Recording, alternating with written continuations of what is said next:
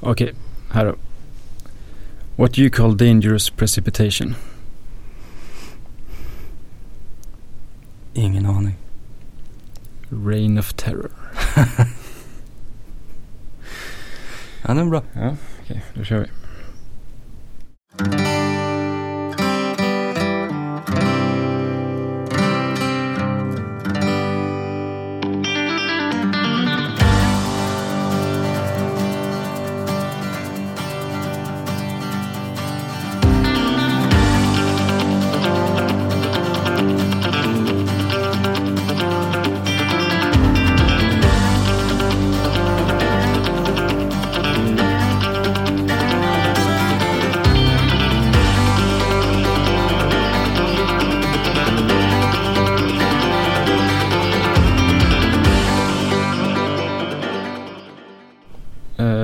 Välkomna till episod tre Mm. av Geografipodden.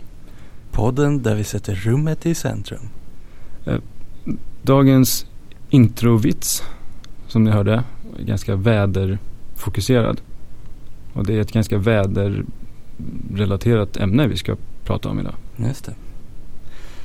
Ehm, har du hört eh, låten Fat Lip med Sum 41 någon gång? Nej, jag tror inte det. Nej, för den första raden i den låten är Storming through the party like my name was El Nino. Vad- Okej. Vad, vad tycker du om den definitionen av, av El Nino? Är det en storm? Nej, nej, det är ju mycket saker men det är inte en storm. Nej. Kan vi inte säga. Det, det kanske blir lite mer stormar på vissa håll. Ja, Men, eh, lite färre stormar på andra håll. Exakt. Så det vi ska prata om idag är då det som kallas för ENSO. Mm. El Niño Southern Oscillation. Precis. Men jag tänker väl att du får ta definitionen här. Eh, ja, definitionen. Eller om vi, vi... Vi kan börja med att säga att det här fenomenet är någonting som händer i Stilla havet. Runt eh, ekvatorn. Eh, så det är alltså mellan Sydamerikas västkust och Australien och Indonesien. Eh, östra delarna av Australien och Indonesien. I alla fall i normala fall i det här området så eh, har vi vindar, så passadvindar som driver, ehm, som driver luft och ytvatten, så uppvärmt ytvatten bort från Sydamerika mot Australien. Där ansamlas det varmare vatten som driver en, ja, det händer, då händer två saker. Det driver tillbaka, det driver ner vatten vid kusten utanför Australien och Indonesien. Så går en djuphavsström med kallvatten tillbaka mot Sydamerika som väller upp där i form av kallt vatten utanför Sydamerika. Så i normalfallet så finns det en ganska stor skillnad i vattentemperatur mellan västra som är varmt, östra som är kallt. Samtidigt så går det en eh, eh, eh, luftström på högre höjd tillbaka åt samma håll. Och hela systemet kallas för Walker-cirkulationen och är ett jättestort liksom, atmosfäriskt eh, och eh, eh, oceaniskt Mm. system. Eh, vissa år så förändras det här. Oh, Oh. spännande. Ja. Och det får väldigt stora effekter. Eh, egentligen över hela jorden men framförallt eh, i närområdet Mm. där det händer. Så det som vi kallar för El, El Niño som är ena fasen av eh, the Southern Oscillation är att de här vindarna och hela den här, det här liksom, cirkulationen den avtar. Så att eh, varmvatten stannar utanför Sydamerika. Och sen finns den andra fasen som kallas för La Niña. Som är då motsatsen att vindarna blir starkare och eh, får ännu mer kallvatten utanför Sydamerika och ännu mer eh, starkare vindar mot Australien och mer vatten förs vidare ditåt. Eh, och varför det här eh, fenomenet, eller den fasen, eh, när cirkulationen avstannar, kallas för El Niño, har lite att göra med en av eh, de stora effekterna som det här får på samhällen. Vi kommer in lite mer på eh, andra effekter senare, men en sak är för den här eh, uppvällningen av kallvatten utanför Sydamerika ger normalt sett väldigt bra fiskeförutsättningar. Mm. Och eh, det här märkte um, fiskare i området för alltså, ja, 1800-talet att eh, vissa år så förändrades det här helt. Och oftast hände det runt jul. Och eh, ja, därifrån kommer namnet El Niño som då refererar till liksom Jesus, barnet. Mm. Så, och det ja, namnet har fastnat även i vetenskapen. Mm. Och eh, sen märkte man att ibland är det tvärtom. Ja, okej, det fick bli La Niña. Då får det bli ett flickebarn åt andra Ja, hållet. precis. Bara för att det är väl motsatsen. Ja. eh, ja. Eh, och varför, varför eh, pratar vi om det här då? I en geografipodd när det handlar om ett typ hydroklimatologiskt fenomen. Ja, varför gör vi det? Ja. det jag tänker eh, bland annat då är ju att det är ett fenomen som sker någorlunda lokalt ändå. Eh, över Stilla havet. Som i och för sig är en ganska stor lokal. Mm. Men, men det är ändå eh, en förändring som sker på en viss plats och som har effekter mer eller mindre globalt. Eh, och jag tycker väl att det framförallt är de effekterna eh, som vi ska prata lite mer om sen. Eh, hur det påverkar eh, mänskliga samhällen och hur det påverkar djurliv och ehm, allt möjligt. När det kommer ner på, på det ehm, planet så blir det geografiskt intressant, Ja, tänker jag. Ja, precis. Eh, sen har det ju också, alltså både det atmosfäriska och det oceaniska har ju i sig kopplingar till naturgeografin.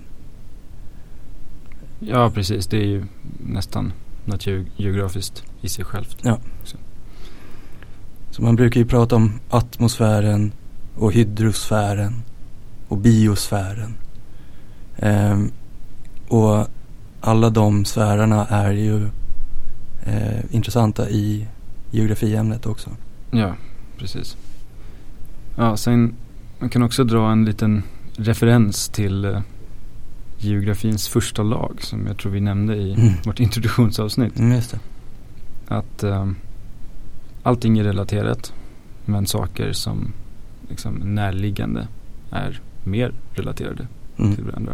Och det här är ett fenomen som det påverkar hela jorden. Men ja, graden av påverkan avtar ju längre bort från Stilla havet vi kommer. Ja. Som även, ja, som du var inne på, är en väldigt stor lokal. Mm. Ta en jordglob och liksom vänd upp Stilla havet. Och eh, ja, ser att det är ju halva, alltså det är ju halva jordklotet nästan. Det är, om man, ja, längs med ekvatorn det här fenomenet liksom utspelar sig. Det är nästan ett halvt varv runt jorden. Så Mm. det är inte konstigt att det får globala effekter. Så är det ju. Det finns ju väldigt mycket vatten på denna planet. Så Stilla Ja. havet är ju en ganska stor del av hela jordklotet också. Ja, det är verkligen. Eh, men när det här inleds, Mm. alltså när en av faserna inleds. Vad är det egentligen som händer först? Bra fråga. Eh, det, det jag har läst är att liksom startskottet på eh, Enso-perioder inte är helt klarlagt. Nej, det är väl lite av ett liksom vetenskapligt mysterium. Mm. Vad som, ja, varför det här händer. Exakt. Och det är ju, det blir intressant eh, när det är ett sånt fenomen som man, man ändå vet väldigt mycket om. Att det kommer eh, periodiskt och man har sett kopplingar till effekter på hela, hela jordklotet. Liksom. Mm. Men eh, just varför är en sån fråga som är lite oklar. Ja. Eh, och det, det som är lite grejen är att det, det, det består ju av två olika delar. Det atmosfäriska och det oceaniska. Eh, med eh, Walker-cirkulationen då och eh, ytvattentemperaturerna som ökar. Eh, och det verkar ju som att det är passadvindarna som avtar först. Eh, vilket i sin tur leder till att ytvattentemperaturen är. Vilket i sin tur eh, påverkar det atmosfäriska trycket. Mm. Vilket i sin tur påverkar ytvattentemperaturen igen. Precis. Så det, har, det blir liksom en feedback eh, loop typ. Eh, ja, och eh, i alla fall det här eh, olika faserna av fenomenet ger väldigt olika eh, förändringar i väder på de olika sidorna av Stilla havet. Det ändrar lufttryck, det ändrar regnmönster, temperatur. Så, som då i sin tur eh, ger stora effekter på ja, samhällen, djurliv Mm. som nämnt. Och de effekterna tänkte vi prata lite mer om ganska snart. Ja, då tar vi en paus. Mm.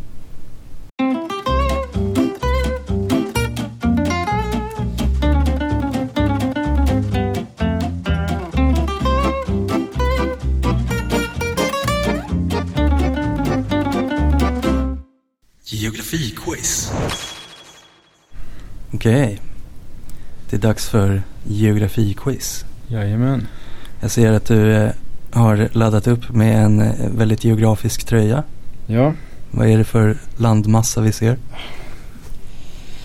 vi har ju Australien här faktiskt. Ja. Ehm, Så det passar ju bra. Och eh, sen klipper den ju tyvärr innan vi kommer hela vägen över Stilla havet till Mm. Sydamerika. Vi har även Asien. Mm. Mm.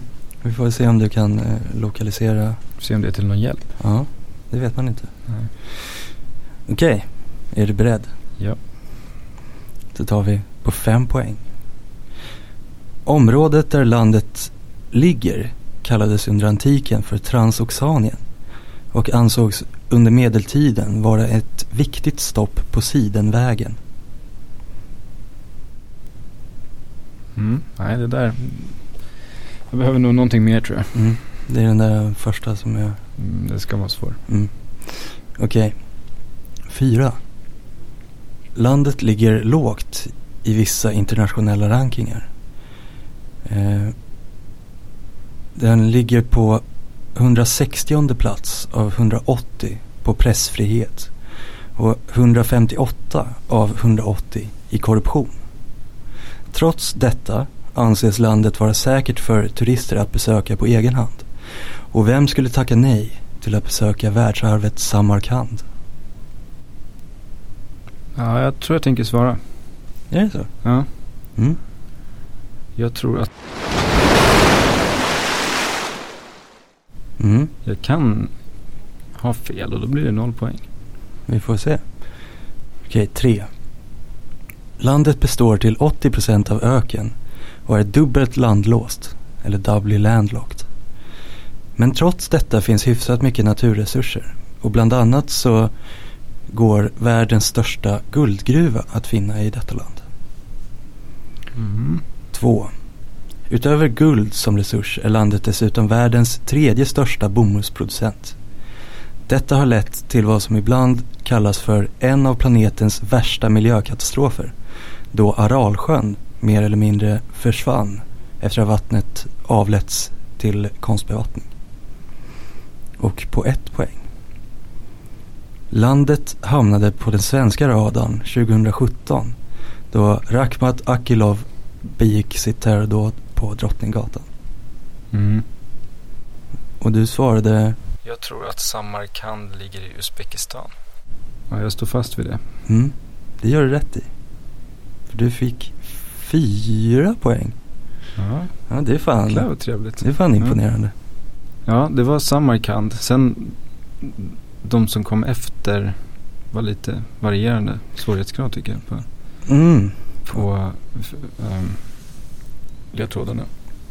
Ja, alltså det är ju den här med doubly landlocked. Ja, Det finns ju faktiskt bara två länder i världen. Uzbekistan är ett av dem alltså. Uzbekistan och eh, Liechtenstein. Mm. Eh, Så om man vet det, Ja, då blir det lätt. då kan man ju dra slutsatsen att det är inte Liechtenstein. Eh, Som består till 80% av öken. Liksom. Mm. Det finns ju på min tröja här Jag men vet. jag har inga landsgränser. Så hade jag haft det så hade tröjan faktiskt hjälpt mig på, Ja, ja. eh, på landlocked-frågan. Visst, Mm. Ja, ja, det var det. var det.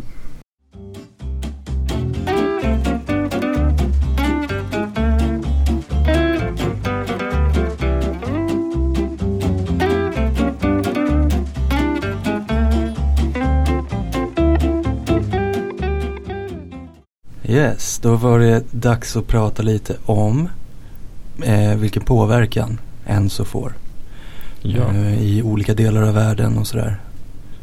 Då kan vi ju också börja med att säga att de olika faserna då, El Niño och La Niña, oftast ger eh, motsatta effekter. ja, precis. Ehm, att det kanske blir torka på ena sidan och regn på den andra. Och sen tvärtom under den motsatta fasen.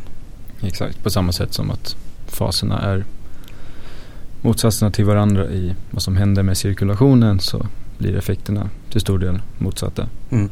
Men ju längre bort från Stilla havet vi kommer desto mindre tydligt blir det också. Eftersom det blandas upp med massa andra liksom, eh, Det finns väldigt många andra liksom stora eh, atmosfäriska ehm, ja, system eller Ja. liksom Precis. andra cirkulationer och eh, bara andra faktorer som påverkar och som tunnar ut effekten av Mm. just El Niño. Ja. Ju längre bort vi kommer. Okej, ska vi börja med att gräva ner oss lite i Australien då? Ja, det kan vi göra. Mm. Det är torrt. Eh, ja. El Niño betyder torka. Ja. Eh, till exempel i eh, vintras så eh, hade vi El Niño-tillstånd. Eh, visserligen en, en ganska svag El Niño för där går det att liksom mäta i styrka och sådär. Vi kommer komma in lite på hur, hur El Niño mäts och eh, liksom när, när man bestämmer när det är El Niño och inte. Mm. Men en ganska svag eh, i alla fall El Niño-fas i vintras och eh, även eh, var det mycket problem med bränder ju som kommer ihåg i Australien. Mm. Väldigt eh, uppmärksammade bränder Mm. i år. Eh, men eh, det är ju den första typiska effekten i den delen av Stilla havet. Mm. Att eh, de här vanliga, det vanliga tillståndet med eh, ganska mycket regn eh, i ja, norra Australien, Indonesien under då våra vintermånader, Mm. deras sommarmånader, det försvinner till stor Ja. del. Eh, vi- 2015-16 var ett annat sånt där år med väldigt eh, stark El Niño-fas. och eh, var samma sak där då i Australien att eh, de registrerar sin tredje torraste vår. Då alltså det som för oss är höst. Eh, under 2015 och sen eh, ja, stora problem med, med bränder Mm. under den säsongen. Och vi eh, har ju faktiskt skrivit en eh, uppsats om Enso. Ja, om påverkan på Australien Ja, Eh. precis. till och med. Ja. Vi använde satellitmaterial för att försöka hitta skillnader i vegetationsutbredning under eh, olika år och se om det fanns någon koppling till El Niño, La Niña-faserna. Mm. Och eh, om jag minns rätt så såg vi väl en ganska tydlig koppling. Mm. framförallt under de här riktigt starka El Niño-åren. Ja, 97, 98 var det kraftig El Niño också. precis. Och en, en sån grej som jag har för mig att vi också noterade var att eh, den största vegetationsförändringen var på jordbruksmark och betesmark snarare än ehm, naturligt förekommande skogar och så här. Mm. Ehm, så där har vi ju ett exempel på hur det påverkar eh, mänskliga samhällen också. Att, att eh, jordbruk kan få det svårt Ja, under de här perioderna. ja men precis. T- träd som vegetation Mm. har ju en lite mer större ändå liksom här, buffert och klarar av torrare väder ett tag. Ja. Medan eh, ja, betesmark och jordbruksmark blir väldigt drabbat väldigt snabbt. Ja, Liksom, om det inte finns bevattnings liksom, exakt. Och det är väl också, alltså många av de bränderna i Australien är väl, de kallas för bushfires. Ja, just det. Vilket betyder att det är eh, vegetationen, liksom undervegetationen Mm. i, det kan ju vara i naturliga skogar också. Men att det inte börjar i de stora träden. Utan Nej, precis. tar fart någon annanstans. Ja, precis. Där torkan då kanske drabbar snabbare. Ja. Liksom. Sen har vi då också La Niña-fasen. Eh, som på många sätt har motsatt effekt även i Australien. Ja. Eh, att där i, i eh, norra Australien där det ofta ändå är hyfsat mycket regn. Eh, där blir det ännu blötare. ja, precis. blir ännu mer nederbörd. Och eh, det kan i, ibland leda till eh, stora översvämningar. Och bland annat då under La Niñan 2010 tror jag. Så blev eh, Queensland drabbat av de största översvämningarna i, som har mätts i, i Queensland. Mm. Eh, så det blir ju, det kan få liksom påverkan åt båda hållen. Eh, och det är väl kanske lite svårt ibland att säga vad som är värst också. Även om El Niño får ganska mycket mer uppmärksamhet än La Niña. Ja, det är sådana grejer som vi ändå har försökt liksom mm, gräva lite grann i.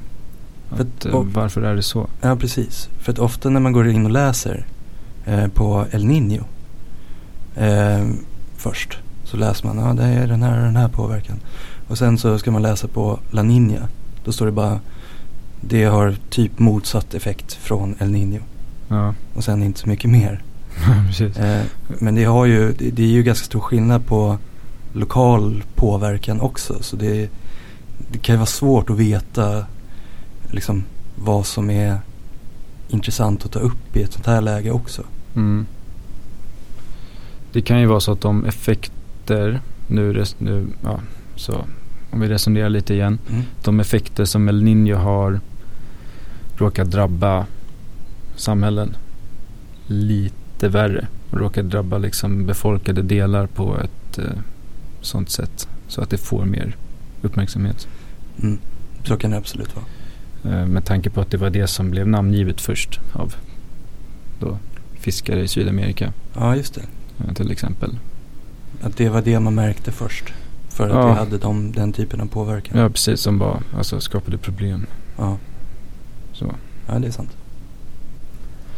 Om vi förflyttar oss till eh, andra sidan av Stilla havet då. Mm. Sydamerika. Sydamerika. Ehm, ja, vad får vi för effekter där? Bland annat så under El Niño då så eh, är det större risk för nederbörd då i eh, Peru och Chile som generellt sett är väldigt torra områden. Ja, precis. Så det blir eh, den typen av förändring, vilket då är motsatt till Australien under El Niño. Ja, precis. Mm. Det, ja. du var tvungen att tänka efter. Ja, det, det blir så mycket Ja. motsatser fram och tillbaka. Ja, mm. Men eh, sen har vi då också i Sydamerika den här stora bergskedjan som heter Anderna. Eh, som eh, agerar som barriär eh, mellan kust, det kustområdet mot Stilla havet och de inre delarna av Sydamerika då. Ja, precis. Det är en väldigt tydlig skillnad i liksom, eh, miljö. Mm. På västra sidan som är en ganska eh, smal landremsa Mm. ut med kusten. Med jättetorrt. Sen över bergen där det är, ja, det är helt annat. Mm. Och även effekterna från Enso verkar vara, kunna vara helt motsatta bara på andra sidan bergskedjan.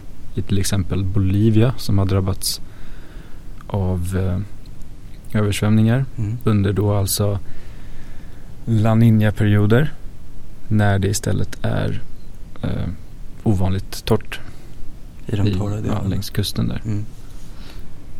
Ja. Eh, så det finns ju det, är ju, det är ju lite intressant när det blir så, så pass stora eh, lokala eh, skillnader mellan alltså hur påverkan ser ut också. Men det verkar väl kanske som att eh, torka och nederbörd ställer till mer problem på den andra sidan Stilla havet då. Ja, det verkar så. Och Mm. det är ehm, så att säga, det finns mer som kan brinna kanske. Mm. Med tanke på att det är, vi har ökenområden längs med kusten. Mm. Det odlas mer i vanliga år. Kan vi utgå ifrån. Alltså i Australien då. Än Mm. i liksom ökenområden i östra Sydamerika. Mm. Och ehm, ja, det som ehm, kan ge problem är väl om det blir överdrivet mycket regn då. Mm. Kanske, I områden som är vana vid att få väldigt lite regn. Exakt. Men annars så är det ju det man oftast kan läsa om är hur det påverkar fisket längs eh, Sydamerikas kust. Då. Och då Peru är ju en väldigt stor eh, fiskenation. Eh, nummer två i världen Ja, efter Kina. skulle det vara. Mm. Och de, de fångar väl eh, runt 7-8 miljoner ton per år. Ja, det var någon siffra där omkring. Vi hittade såg. på Ja. FAO, alltså då FNs mat och jordbruksorgan. Ja. Ehm, men det som eh, Enso gör då eh, är att det påverkar fisket. Om de har 7-8 miljoner ton per år i fångst så blir det antingen plus en miljon ton eller minus en miljon ton. Ja, Beroende på vilken av faserna det är då. ja, exakt. Så med El Niño som negativ med minus en miljon eh, cirka då. Och La Niña som den positiva med plus en miljon ton. Ja, något i den liksom, Ja, storleksordningen. Och eh, det beror ju då alltså på att det är uppvällningen av kallvatten utanför kusten stannar av under Mm. ett El Niño-år. Och det här vattnet är näringsrikt och bra liksom, livsmiljö för småfisk. mm, Och eh, medan ja, under La Niña-året så kan det snarare välla upp mer sånt näringsrikt kallvatten. och en av de vanligaste fångsterna i Peru är ju då ansjovis, Ja, anchoveta. Och det är en sån fisk som, som, som behöver eh, fotosyntes och växtplankton och djurplankton för att kunna överleva. mm. Ehm, så de finns eh, där det finns kallvatten. Eh, Om vi sen då rör oss bort från själva Stilla havsområdet så blir det tydligt att alltså det blir ganska mycket mer komplext Mm. och svårt att sammanfatta vilka effekter de olika faserna får Ja. i andra områden. Eh, till exempel en, en kontinent som är, kan vara ganska hårt drabbat av det här i Afrika. Men effekterna av de olika faserna kan variera liksom från en del och en annan. Eh, utan att liksom, det är jättelångt mellan de här delarna. Exakt. Till exempel ett typiskt El Niño-år så kan det alltså typiskt medföra översvämningar, alltså mer regn och översvämningar på östkusten Mm. i Afrika. Så längs Tanzania, Kenya, En del i Somalia. Somalia. Och samtidigt eh, svår torka i liksom central syd. Så Sydafrika, Botswana, Mm. däromkring. Så förändringarna blir ofta beroende på dels det normala klimatet som är i området och sen andra system, vädersystem och Ja, sånt. ja, precis. Och sen, man kan även gå vidare liksom och nämna effekter som inte är direkt väder. Men som ändå relateras till väder eller som ändå påverkas av vädret. Som till exempel spridningen av vissa sjukdomar Mm. som kanske är insektsburna. Exakt. Eh, malaria då till exempel är ju en sån eh, där man kan se ett, ett starkt samband eh, mellan sjukdomsutbrott och eh, enso-perioder.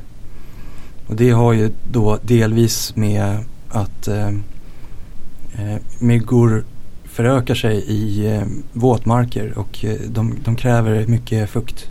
Mm. Eh, och El Niño kan i vissa områden bidra med ganska mycket nederbörd. Ja.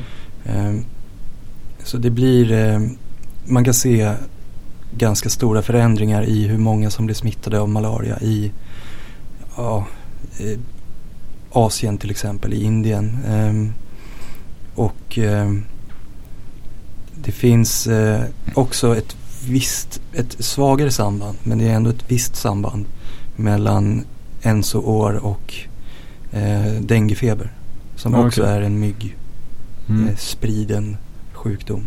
Mm. Och det är samma sak där att eh, de eh, insekter kan få bättre förhållanden eh, på vissa platser.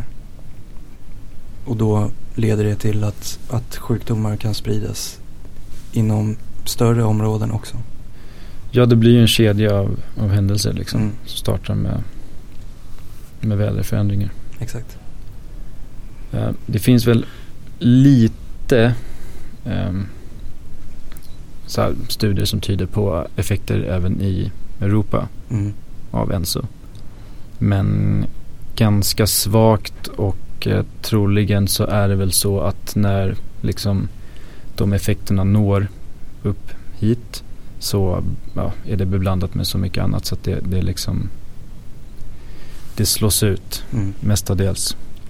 Det finns väl om jag minns rätt li, ja, lite som tyder på något eh, kallare vintrar här i norra Europa under El Niño-år. Eh, men eh, det är ganska svagt. Mm. Och det finns ju också ehm, ett klimatsystem, eh, en klimatvariation som beror på den, den North Atlantic Oscillation som är lite närmare oss. Ja. Eh, som också skulle kunna bidra med vissa effekter. Liksom. Så det, det är lite svårt att säga vad som verkligen beror på Enso. ja, precis. Det blir ju det.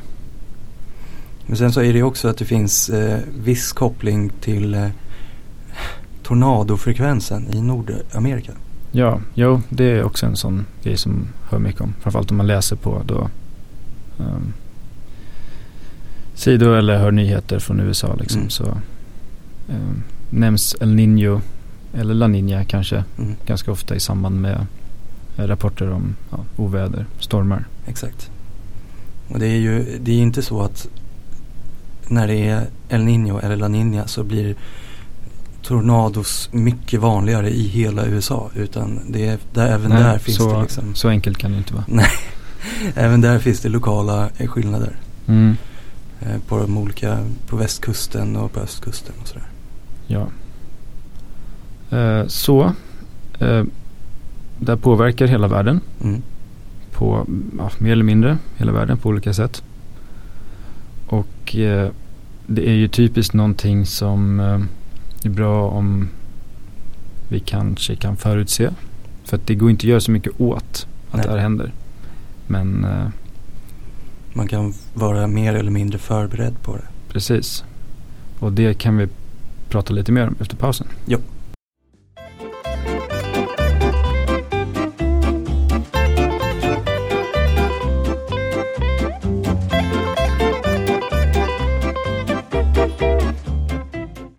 Det finns ju då sätt att eh, dels mäta eh, ENSO och förutspå eh, hur året kommer se ut och i vilken fas som eh, det är högst risk för. Ja. Eh, det finns då framför allt två stycken olika index som används flitigt. Mm. Eh, dels så är det SOI, Southern Oscillation Index, som vi använder i vår uppsats, har jag för mig. Det gjorde vi. Och det är tydligen den äldsta Ja, som har använts längst tid. Men den är inte längre standard som jag fattar det. På de flesta håll i alla fall. det är ofta ONI som används nu för tiden. Som är Oceanic Nino Index. kallas Ja. det för. Eh, och skillnaden då mellan de här är att bland annat att eh, SOI, det första, eh, det mäter atmosfäriska värden och förändring i eh, atmosfäriskt tryck och sånt. Precis, så de mäter dem mellan Darwin Mm. i norra eh, Australien Mm. och eh, Tahiti, om Ja. jag minns rätt, i ja, mitten av Stillehavet ungefär. Exakt. Och ONI då mäter ehm, oceaniska värden. Ehm, jag vet inte exakt var det mäts. Du det? det är indelat i zoner på något sätt. Ja, Som okej. mäter liksom temperaturavvikelse i zoner av Stilla havet. Mm. Jag tror det är någon typ centrala östra Stilla havet som är den viktigaste zonen för Okej. att mäta det här. Men de mäter med alltså helt enkelt eh, temperaturen Mm. i havet. Och hur den, avviker, ja, hur den avviker från liksom, det normala för Mm. den tiden på året. Så de här indexen används då för att eh, mäta och eh, kunna förutspå. Och det finns, eh, det finns ju vissa sådana här varningssystem. Mm. Early warning systems. Som eh, bland annat använder dessa eh, index då. Eh, jag har eh, varit inne nu, i och med att vi har researchat det här, så har jag varit inne på ett som kallas för Enso Outlook från eh, Bureau of Meteorology i Australien. Ja. De använder SOI då bland annat. ehm, för att kategorisera vilket värde som är nu. Mm. Och det är, det finns inactive, sen finns det watch åt båda hållen, alert åt båda hållen och sen är det La Nina eller El Nino. Ja. Och just nu så befinner sig enligt den mätningen då eh, jorden i ett La Nina watch. ja, just nu är alltså i juli. Mm. Ska vi säga. Eh, och det är väl att det är en viss förhöjd risk att det skulle kunna komma en La Nina.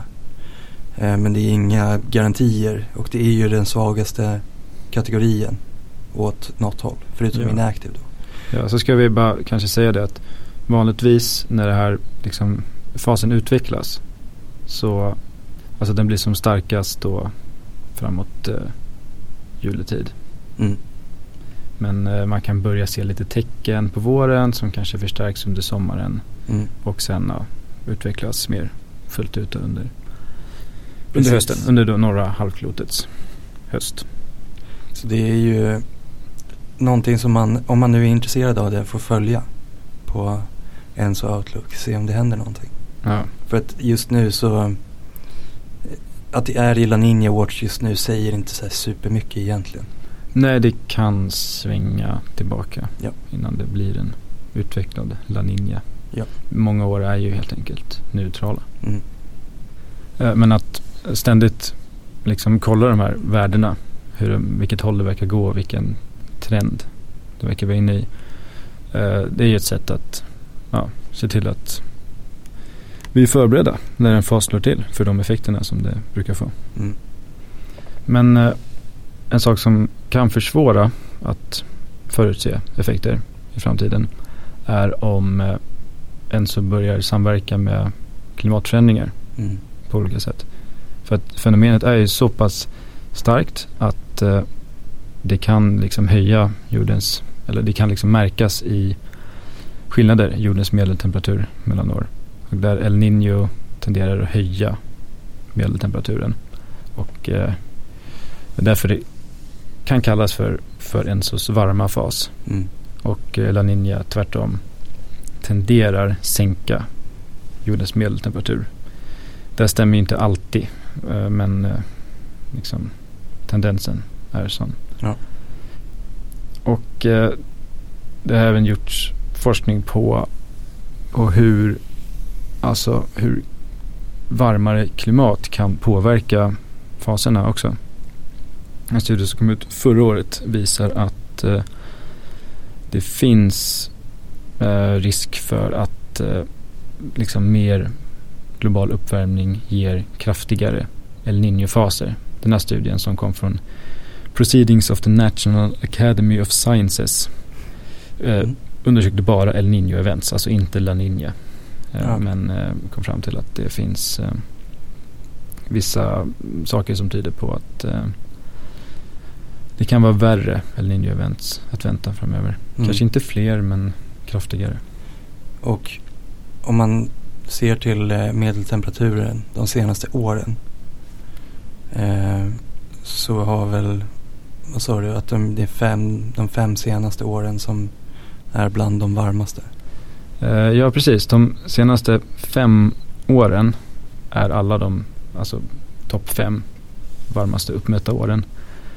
Och eh, ja, det har väl uppenbarligen inte att göra med ENSO-svängningar så.